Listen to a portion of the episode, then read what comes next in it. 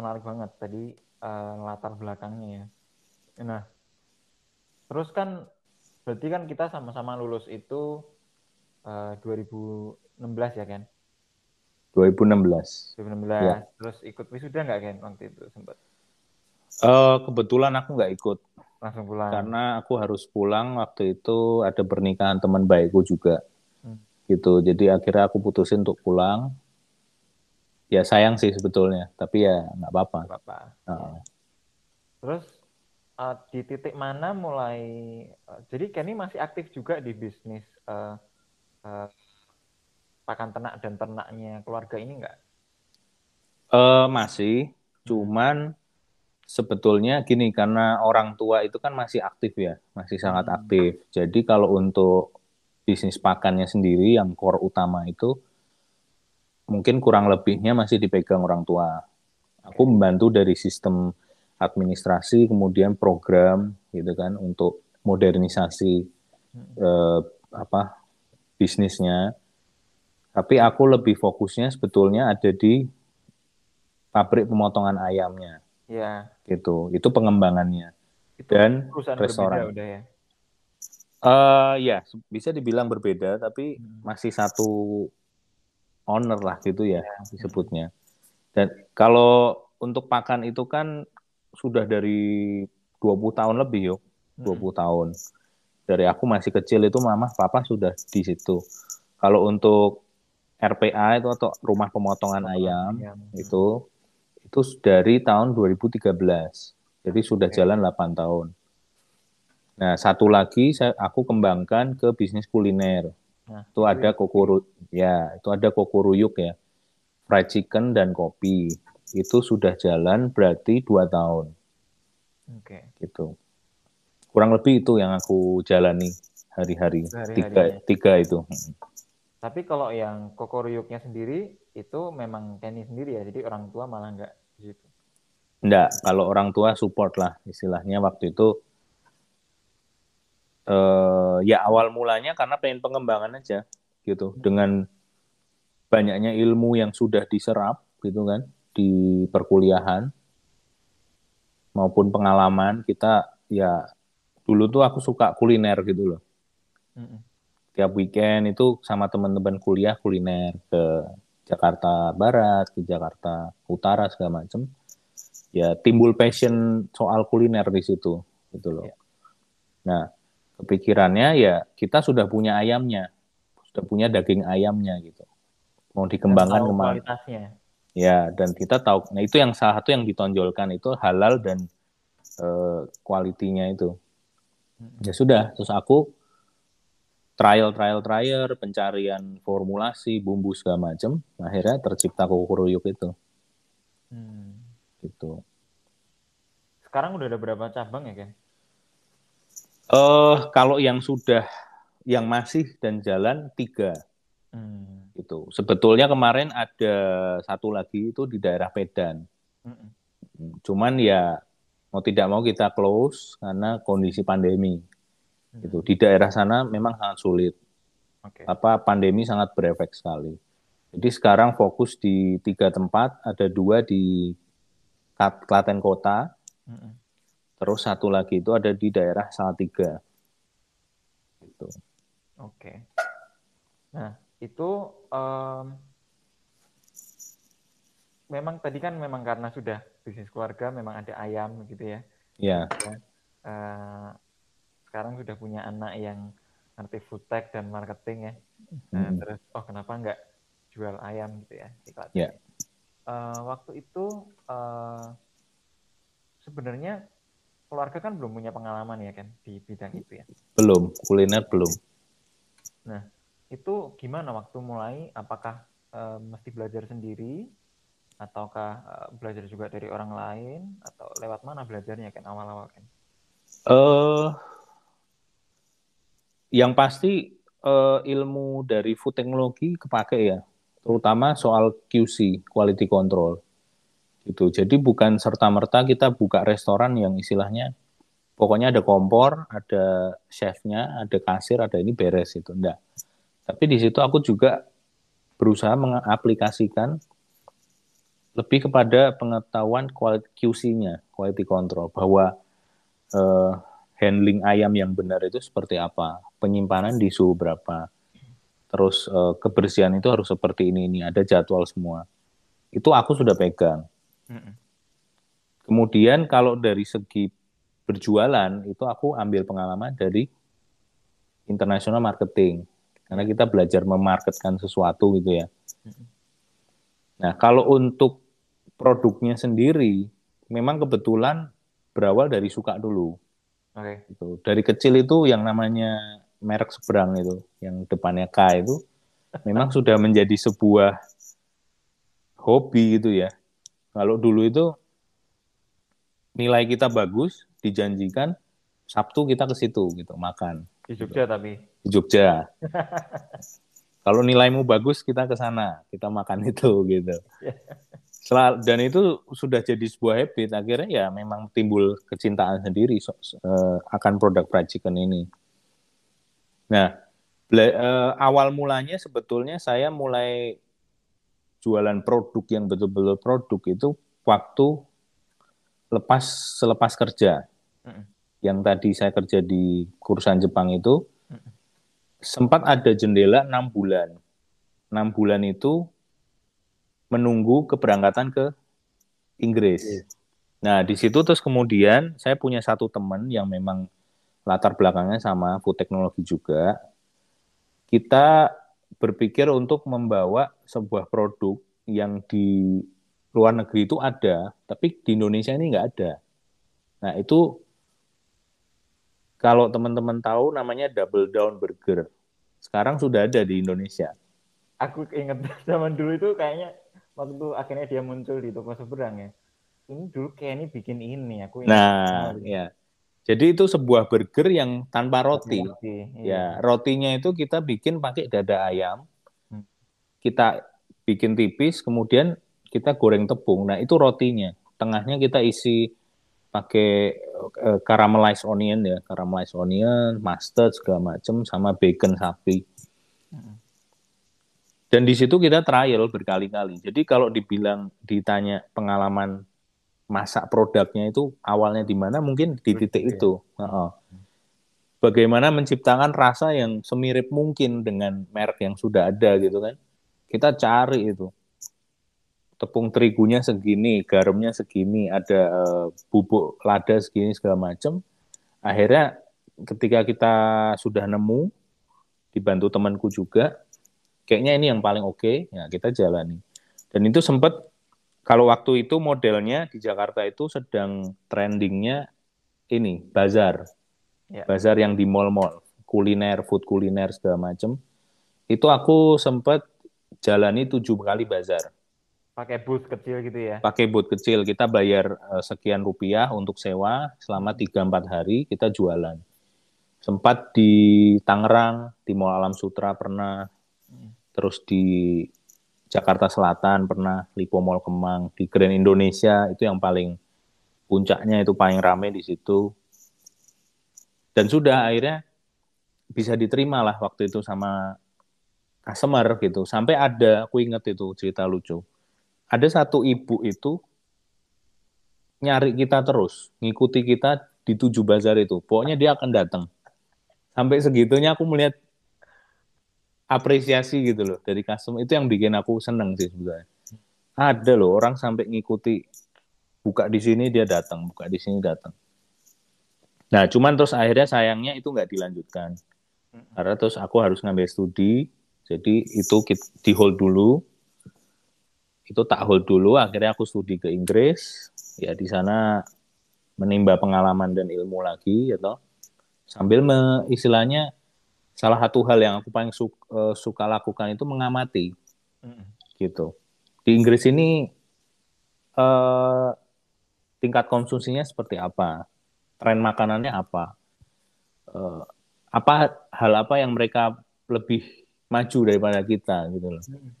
Dan lain sebagainya nah itu terus kemudian yang aku bawa ke sini aku pulang ke sini nggak ada pikiran sama sekali untuk langsung buka kuliner aku langsung fokus ke usaha ibu dulu, ibu hmm. dan bapak.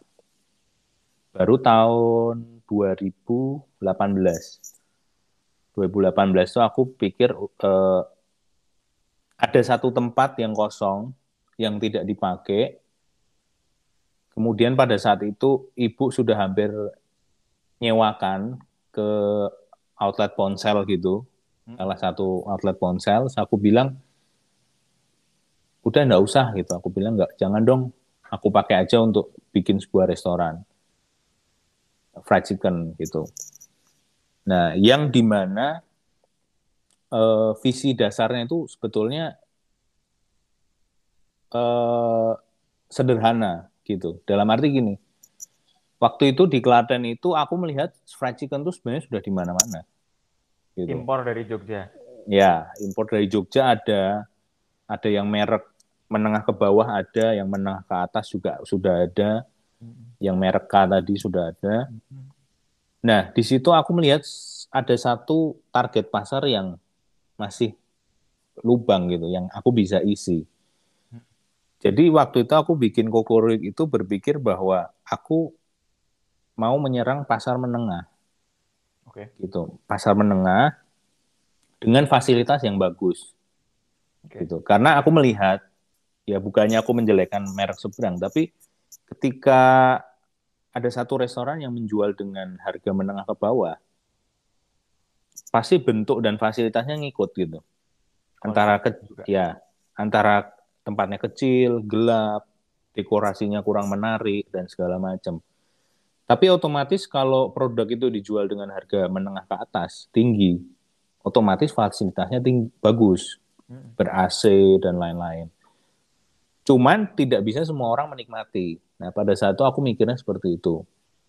Itu. Mungkin ada golongan yang tiap hari bisa makan. Sika tadi. Tapi tidak tidak semua orang bisa juga tiap hari gitu loh. Ada orang juga yang tidak mau makan di restoran yang istilahnya tanda kutip eh, fasilitasnya kurang bagus seperti tadi juga. Ya. Nah, di situlah aku berpikir bahwa aku sudah punya ayamnya, kemudian aku tinggal mencari uh, formulanya, menciptakan rasa yang dengan ciri khasku sendiri, kemudian aku akan lengkapi dengan fasilitas yang nggak kalah sama yang di atas tadi. Okay. Nah, dengan harga yang affordable gitu loh. -huh. Jadi contoh misalkan yang kelas menengah ke bawah itu satu porsi 9.000. Yang uh, high end ini, produk yang tinggi ini, misalkan satu porsi 22.000. Nah, aku ini ya. ya cukup jauh kan. Aku ambil tengahnya gitu. Aku ambil 12 sampai 15.000. Dengan fasilitas yang istilahnya menurutku layak juga dalam arti orang bisa nongkrong di situ lama, bisa foto-foto. Nah, dengan adanya target pasar ini dan fasilitas yang seperti ini, otomatis targetku adalah aku bisa menarik dua pasar tadi. Dan aku selalu bilang ke staff eh, karyawan yang membantu, aku bilang orang yang biasanya makan di restoran yang kurang bagus, dia mau agak sedikit gayalah gitu ya, pengen-pengen nongkrong di tempat yang asik, dia bisa ke kita. Tapi orang yang sudah yang bisa tiap hari makan di sini, yang di tempat yang lumayan mahal, dia ke tempat kita pun nggak malu gitu, istilahnya gitu, kasarannya. Jadi uh, Kokuruk itu filosofinya itu tempat untuk semua orang berkumpul gitu, dari berbagai kalangan, dengan harga yang pas menurutku, dan juga mereka puas gitu. Nah, inti sarinya sih di situ. Kalau mau ditelusuri. Oke. Okay. Gitu. Nah, tadinya kan pertama buka yang satu itu ya, Ken? Yang uh, ya, tadi, jalan. tadinya mau disewakan ya. Betul. Jalan, jalan Cempaka. Jalan Cempaka. Ya. Nah, terus kan kalau orang buka bisnis itu kan pasti dikit dulu ya. Baru kalau kira-kira jalan baru buka cabang dan seterusnya. Ya. Itu uh, uh, apa ya kayak ini di titik mana tahu bahwa ini jalan ini aku bisa bisa buka cabang gitu bisa create demand baru nih gitu uh, di titik bulan ke 10 oke okay. gitu aku kaget waktu itu bahwa bulan ke-10 itu aku sudah balik modal. Itu tahun lalu kah? Eh enggak, dari awal berarti tahun 2019 ya. ya? 2019 ya. Oke. Mm-mm. Jadi sebetulnya waktu pertama buka, aku tuh sudah sangat nggak pede gitu. Wah, saingannya banyak. Kanan kiriku tuh juga fried chicken yuk. Betul. Mm-mm. Dengan eh, wak- waktu buka yang mereka sudah lebih dulu gitu ya. Mm-mm. Aku nih baru banget gitu. Nah, laku nggak ya gitu kan. Tapi di situ aku merasa bahwa preparation meets the result gitu. Ketika kamu sudah siapkan dari dari segi barangnya, Mm. kamu sudah yakin itu oke. Terus dari segi marketingnya kamu sudah bisa melihat mau dibawa ke mana. Aku rasa customer akan menerima dengan mudah gitu. Jadi dari detail kecil misalkan pemilihan logonya seperti apa, dibikin yang semenarik mungkin. Terus tempatnya fotogenik tidak bisa ada spot-spot foto yang bagus enggak, harganya gimana. Itu kan aku research dulu juga. Ya. Harganya gimana? Oh, misalkan 12.000 sudah dapat nasi, ayam sama es teh. Es tehnya bisa refill. Masa sih ya ini nggak bisa narik orang gitu loh. Gitu. Terus eh, dan yang pasti bantuan keluarga juga sih. Jadi kalau bisa dibilang awal-awal satu bulan pertama itu pasti ter- sangat terbantu sama relasi orang tua pasti. Sama teman-teman lah ngajakin, ayo cobain, cobain, cobain. Terus kemudian promo juga itu penting. Jadi waktu ak- ciri salah satu ciri Kokoruyuk itu aku buka di sini. Ketika ada cabang baru atau hari besar itu pasti ada promo yang namanya serba 10.000 gitu. Jadi semua produk, hampir semua produk itu 10.000. Nah, mungkin mayoritas penggemar Kokoruyuk sudah tahu lah. Nunggu saat-saat itu. Jadi itu udah auto ramenya di situ. Udah nandain tanggalannya. Nah, oh, wah ini serba 10.000 nih gitu kan. Nah, di situ akhirnya jalan, jalan satu bulan, dua bulan, pemasukannya lumayan. Tapi di situ aku belum bisa bilang ini stabil juga ya. Jadi aku tunggu lagi, aku tunggu. Aku buka itu kalau nggak salah Januari. Nah, aku eh, titik penilaian pertama itu adalah Lebaran waktu itu. Aku aku tulis target di situ. Aku mau lihat Lebaran. Januari sampai Mei oke, Lebaran ini gimana? Orang sudah mulai bosen atau malah tambah menggila gitu kan? Ternyata di Lebaran itu eh, di luar ekspektasiku gitu. Dua kali lipatnya lebih bagus Hmm. gitu. Orang dari luar kota pun mungkin datang mungkin dikasih tahu kerabat mulut ke mulut. Dan pada saat itu kalau aku nggak salah ingat, aku tuh rajin banget sampai niat itu sama karyawanku sendiri. Setiap hari Minggu Car Free Day itu kita bagi-bagi brosur. Di tengah lautan manusia itu aku terus eh, karyawanku semua tuh bagi-bagi di beberapa titik. Sampai segitunya dulu awal-awal itu. Dan itu menurutku ya sangat membantu ya. Ditambah lagi eh, kemampuan sosial media sekarang gitu untuk memasarkan sesuatu itu aku pergunakan dengan sangat baik gitu loh. Nah, baru di bulan ke-10 aku lihat bahwa oh it works gitu. I- Ya, ini bisa diterima, orang masih bertahan bahkan nambah gitu ya. Jadi di bulan 10 aku eh, di situ aku merasa ini bisa dikembangkan gitu loh. Gitu. Baru dari situlah aku mulai mengiklankan open for franchise. Nah, di situ di bulan Oh, ke-10 itu ya. Sistem sebenarnya ini cabangnya sendiri atau sistem franchise model? Eh campur ya. Jadi Oh, aku aku nggak menutup diri, aku mau buka di sini lagi bisa. Hmm. Tapi kalau ada orang mau buka untuk dari apa model franchise, oke juga. Gitu. Nah itu yang di Salatiga itu kebetulan franchise Salatiga. Yang di Klaten Kota itu milik pribadi semua dua. Oke. Nah, eh, tadi kan Kenny pertama kan lihat nyari nyari gap gitu ya Ken ya. Oh ini Iya. ada gap nih di sini, ada Iya, ada celah ada gap. ke serve gitu ya. Iya. Nah, itu kan sebenarnya kalau lihat populasi Klaten ya sekitar satu jutaan orang, Hmm. itu hampir sepertiganya itu umurnya dua, di bawah 20 tahun. Iya. Nah, itu mereka suka nyoba hal baru gitu ya. Ya. Dan biasanya konsum, konsumsi proteinnya lagi banyak dan lemak ya. Betul. Tinggi-tingginya ya, umur-umur segitu Iya. gitu ya. Nah, itu uh, kelihat juga nggak dari dari profil customer mungkin?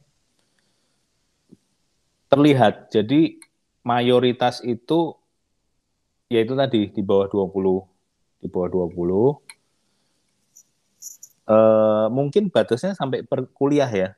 Oh. Anak-anak kuliah itu masih sering. Nah, kalau sekarang kan sudah dilengkapi GoFood dan GrabFood ya. Hmm. Apalagi pada masa pandemi seperti ini, yaitu salah satu eh, pilar juga gitu. Hmm. Karena nggak semua orang berani keluar dan take away. Nah, di situ aku melihat banyak sekali anak muda gitu loh. Yang masih kuliah kah atau SMA. Dan malah nggak habis pikir itu sebenarnya malah banyak anak SD gitu. Oh, iya. Yang istilahnya memaksa ibunya, aku pengen makan itu bu gitu. di situ aku bantu di situ juga gitu. Jadi Hmm.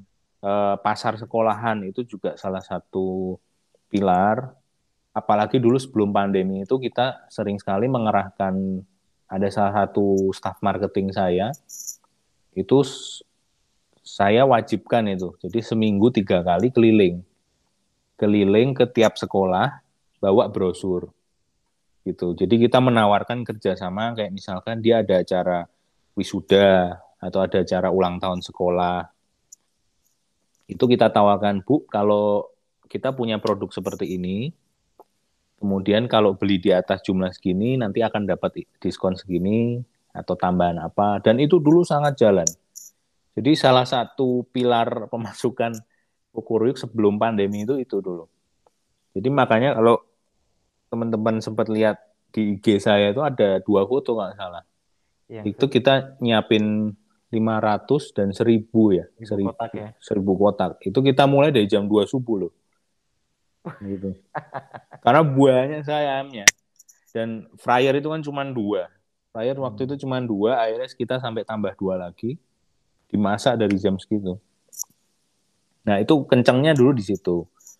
Kalau untuk masa pandemi sekarang, betul-betul mengandalkan GoFood dan GrabFood Oke. dan juga mungkin beberapa promosi promosi untuk take away gitu jadi kalau take away nanti dapat eh, apa misalkan ini dapat diskon apa atau dan segala macam gitu Oke, wah asik banget. Nah, kalau sekarang kan mungkin uh, sebagian besar lah ya Ken, bisnis Ya. itu agak kerem ya gara-gara pandemi Bet- ya. ya sangat Iya, cuman kan tetap mesti siap-siap ya untuk kalau semuanya udah cukup, cukup Balik. lagi kan mesti lompat yang tinggi banget gitu kan. betul Nah, itu em, Kenny masih melihat nggak bahwa meskipun sekarang itu kons- konsumsi itu sebenarnya kalau di di Klaten itu masih sebenarnya juga di Indonesia ya, apalagi di Klaten itu masih jadi eh, driver utamanya dari pertumbuhan ekonomi. Iya. Iya. Kalau dicek lagi sebenarnya konsumsi rumah tangga, diturunin lagi sebenarnya makanan. Itu kalau dicek Iya. angkanya. Nah, itu eh, Kenny sendiri melihat masih sebenarnya masih banyak nggak potensi eh, pasarnya dalam hal customernya yang belum eh, terlayani gitu dengan dengan dengan eh, bisnis-bisnis seperti yang Kenny laku- eh, lakukan ini. Eh kita bicara di masa pandemi atau di situasi normal Di situasi normal. normal ya Hmm. Eh, menurut saya sangat banyak sekali sebetulnya gitu loh. Tinggal bagaimana kalau saya pribadi melihat tuh kekuatan pemasarannya, pemasaran. Mungkin ya kalau menurut saya masih banyak banyak juga calon-calon customer yang belum tahu gitu. Iya. Oh merek ini, oh merek ini ada di sini dan segala macam. Dan kalau boleh jujur, sebetulnya Klaten itu areanya cukup luas banget. Jadi, gitu. Jadi kalau sekarang nih saya Kokoruyuk ini kan fokusnya di kota. ya. Sebetulnya kalau kita mau membuka mata soal wilayah Klaten, Klaten itu banyak sekali. Tadi yang saya sebut ada Pedan, Hmm. terus ada Wedi, ya toh? Ada Delanggu, ada Jatinom dan segala macam. Nah itu area-area yang sebetulnya potensi, gitu. Tapi belum terjamah saja menurut saya, gitu. Nah, eh, di sisi lain memang juga harus melihat kondisi ekonomi juga, kondisi ekonomi daerah tersebut. Apakah misalkan dengan datang berjualan dengan produk senilai 12.000 ini diinginkan masyarakat atau tidak? Oke. Tuh, karena masing-masing daerah ini punya eh, ekonomi value yang berbeda per kapitanya gitu loh. Jadi itulah kenapa eh, perdana atau awal coba itu langsung di Klaten dulu. Di, eh maksudnya di Klaten kota. Ya, di kota dulu. Kita tes air dulu. Jadi tidak menutup kemungkinan bahwa ke depan akan mulai menyebar ke situ gitu loh. Kalau dari aku pribadi. Justru karena positioningnya yang cukup middle ini jadi mau dibawa ide ini mau dibawa dibawa ke Jogja juga kira-kira nanti bakalan laku. Ya. Dibawa ke Medan juga masih affordable gitu ya. Ya. Dan sebetulnya yang sangat disayangkan ya Medan itu sebetulnya. Jadi Medan itu waktu itu saya buka dengan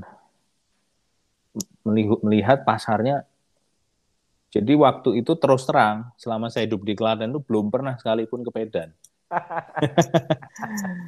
Mainnya tuh di kota di kota terus, di kota yeah. kalau nggak Prambanan, kalau nggak ke Jogja, ke Delanggu, Solo gitu kan. Medan itu daerah yang saya betul-betul nggak tahu.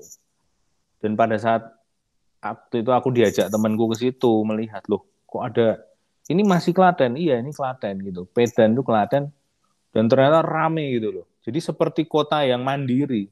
Betul. Hidup sendiri dan beberapa merek besar yang ada di kota itu ada di sana gitu. Betul. Ada toko emas di situ, toko pakaian, toko motor. Nah, di situ timbul istilahnya uh, sebuah ambisi dalam arti bisa nih kayaknya buka di sini gitu. Hmm. Itu sebelum pandemi gitu. Dan ternyata terkena pandemi ya mau tidak mau sudah akhirnya di close. Oke.